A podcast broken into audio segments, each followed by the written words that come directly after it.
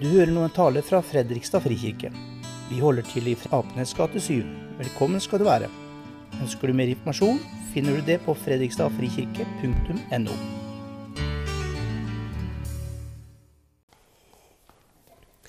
Vi skal lese sammen fra Johannes evangeliet kapittel 21. Siden åpenbarte Jesus seg enda en gang for disiplene ved Tiberiassjøen. Det gikk slik til. Simon, Peter, Thomas, som ble kalt Tvillingen, Nathanael fra Kana i Galilea, CBDU-sønnene og to andre av disiplene hans var sammen der. Simon Peter sier til de andre, 'Jeg drar ut og fisker.' 'Vi blir med', sa de. De gikk av sted og steg i båten, men den natten fikk de ingenting. Da morgenen kom, sto Jesus på stranden, men disiplene visste ikke at det var han. Har dere ikke noe å spise, barna mine? sa Jesus til dem. Nei, svarte de. Kast garnet ut på høyre side av båten, så skal dere få, sa Jesus. De kasta garnet ut, og nå klarte de ikke å dra det opp, så mye fisk hadde de fått. Disippelen som Jesus hadde kjær, sa da til Peter, det er Herren. Da Simon Peter hørte at det var Herren, bandt han kappen om seg. Den hadde han tatt av og kasta seg i sjøen. De andre disiplene kom etter i båten og dro garnet med fisken etter seg. Det var ikke så langt fra land, bare omkring 200 alen. Da de var kommet til land, så de et bål der, og det lå fisk og brød på glørne. Kom hit med noen av de fiskene dere nettopp fikk, sa Jesus til dem. Simon Peter gikk da om bord i båten og trakk garnet i land. Det var fullt av stor fisk. 153 i alt. Men enda det var så mange, revna ikke garnet. Jesus sa til dem, 'Kom og få mat.' Ingen av disiplene våget å spørre ham, 'Hvem er du?' De visste at det var Herren. Så gikk Jesus fram, tok brødet og ga dem sammen det samme gjorde han med fisken. Og dette var tredje gang Jesus åpenbarte seg for disiplene etter at han var stått opp fra de døde. Hva gjør vi nå? Jeg eh, tenker meg liksom at det var det disiplene spurte hverandre om. De hadde, opp, de hadde jo møtt Jesus. Jesus lever. De hadde sett han ikke bare én gang, men to ganger. Men hva nå? Hva gjør vi nå? Nå er det flere dager siden sist. Kanskje det beste er å dra hjem. Vente der, ikke sitte her i Jerusalem og tvinne tommeltotter. Så de drar hjemover. De drar til Tiberiasjøen, eller Galileasjøen, eller Genesaretsjøen. Det er den samme sjøen med mange navn. Og de finner ut at de vil ut og fiske. Og vi må huske at For dem var ikke fiske en hobby. Det var ikke noe de gjorde for, gjorde for adspredelsens skyld. De var fiskere. Det var yrket deres. Hvis de skulle ha mat på bordet, så måtte de ut og fiske. Og jeg kan tenke meg, Peter han var jo kommet hjem nå til familien. Han hadde vært altfor mye borte de siste åra. Og svigermor bodde der sammen med dem. Det vet vi. Og jeg kan tenke meg litt stemningen der nå. Peter egentlig satt der bare og venta. Ville Jesus komme, eller hva ville? Og svigermor begynte å bli utålmodig. Du, Peter, er det ikke noe tak i deg, ja? Nå må du ut og fiske. Ser du ikke at vi trenger mat på bordet vårt? Ser du ikke ungene dine, kona di, sliter, seg, sliter og livet av seg? Skal ikke du gjøre noe? Bare surra rundt nå de siste åra med han Jesus. Og Peter sier, ja, jeg skal ut og fiske. Jeg skal, jeg skal fikse det. Men selv om de har vært ute og fiska hele natta, og når de endelig får dratt garna, så er det ikke en fisk der. Det er tomme garn. Jeg kan tenke meg at Peter han skjønner hvorfor han er så inderlig lei av det livet. Så mye mer spennende det er å gå rundt med Jesus, og ting skjer, enn disse tomme garna, dette slitet for å få mat på bordet. Jeg tror disiplene er ikke så veldig ulike oss når det kommer til stykket. For vi må også jobbe. For å få mat på bordet og klær på kroppen og for å betale lån på huset og det som er. Og mange hverdager de kan være ganske strevsomme, ganske slitsomme. Og noen ganger så kan det være sånn at vi føler kanskje at de gir ikke så mye tilbake heller.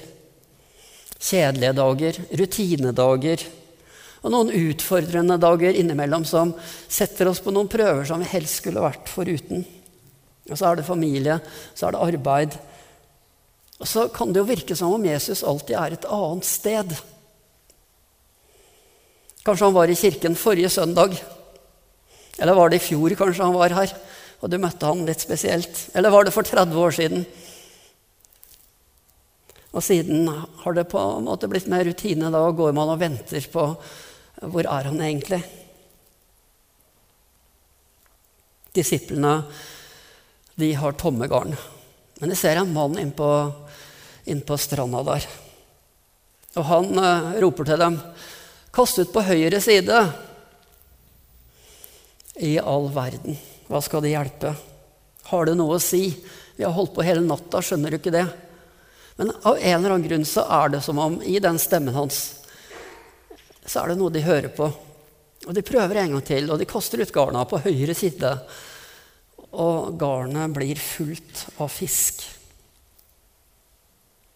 Og det er da iallfall Johannes skjønner det, og Peter han bare handler impulsivt.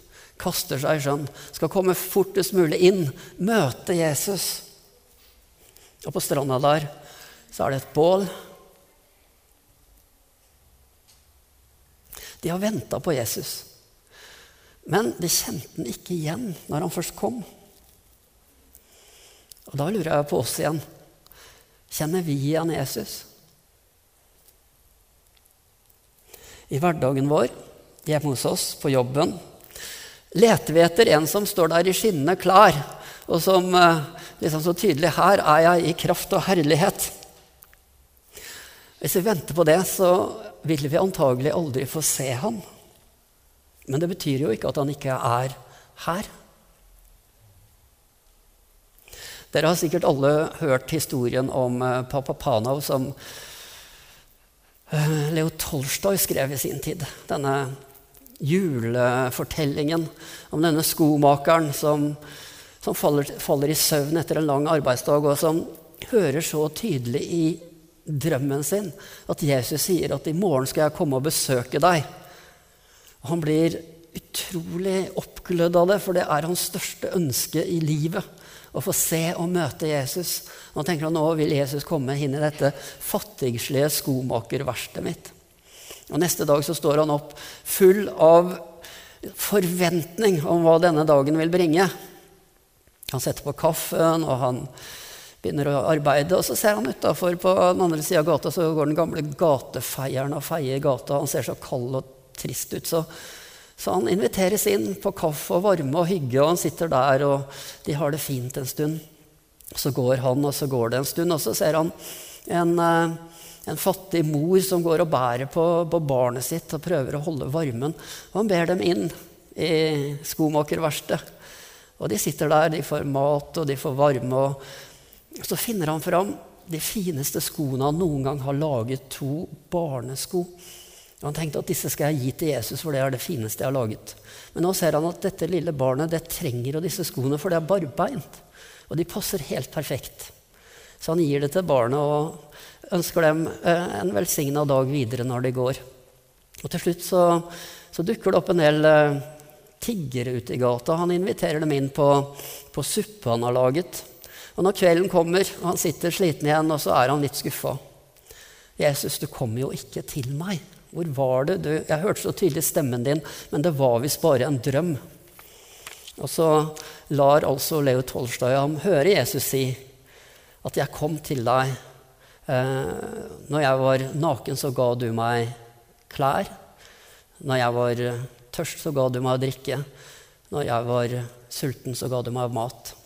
Som en gjenspeiling av det Jesus sier i Matteus kapittel 25 at det dere har gjort mot en av disse mine minste, det har dere gjort mot meg. Jesus er her hele tiden på mange forskjellige måter. Livet vårt er fylt av Guds nærvær. Paulus han sa at eh, det er i ham, i Gud, vi lever, beveger oss og er til. Og Jesus han sa, 'Jeg er med dere alle dager inntil verdens ende'. Jesus er ikke borte, men vi kan være blinde. Vi kan la være å kjenne han igjen. Kanskje noen ganger fordi vi blir så opptatt av oss selv. Kanskje fordi vi roter så mye rundt i våre egne følelser og i sjela vår for å finne Kjenner jeg Jesus? Kjenner jeg liksom at Jesus er til stede hos meg? Og så går vi og titter inn i vårt eget liv. Eh, krøkes inn i oss selv for å prøve å finne Jesus. Og vi vet vel at følelser de har en tendens til å gå opp og ned med gode og dårlige dager. Men Jesus er ikke en som er borte eller hos oss. Han er fortsatt her. Og så møter han altså troa rett og slett gjennom andre mennesker. En av favorittbøkene mine, hvis dere skal lese én kristen bok i år, så merk dere den. Den heter 'Å finne Gud i feil folk'. Skrevet av Nadia Bolls Weber. Fantastisk bok som handler om en dame som, som bygger en menighet. Og det er jo bare feil folk der. De folka som ikke er kule, de folka som er helt vanlige, de som er litt rare. Og, og likevel så er det jo nettopp der Gud åpenbarer seg. De folka vi kanskje styrer unna, for de som kanskje krever litt for mye av oss noen ganger. Men når vi styrer unna, så mister vi også ofte velsignelser. Den oppstandende Jesus er her. Han sa at der to eller tre er samla i mitt navn, der er jeg midt iblant dere. Han hører bønner. Han ser sorger. Han kjenner deg tvers igjennom. Og utrolig nok, han elsker deg uansett. Og tenk at det er helt konkret. Som et bål. Som en strand der det stekes fisk, og der det deles ut. Når jeg leser denne teksten som Johannes skriver, om Jesus som møter disiplene på stranda, så tenker jeg at dette er en nattverdtekst. Eh, for Johannes, i motsetning til de andre som skriver evangeliene sine, han forteller aldri at Jesus innstifter nattverden. Selv om han skriver mye om hva som skjer den siste kvelden. Men han forteller om denne hendelsen. Ja, De møter Jesus på stranda, og han deler ut brød og fisk. Og jeg tenker at nattverden den er et sånt bål i verden. Der vi sammen inviteres inn, setter det rundt bålet nå.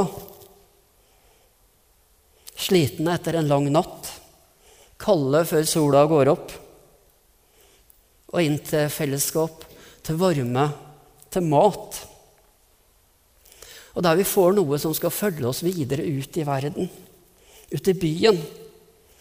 Altså at Jesus er her i Fredrikstad. Han bryr seg om folk her. Han tenner bål.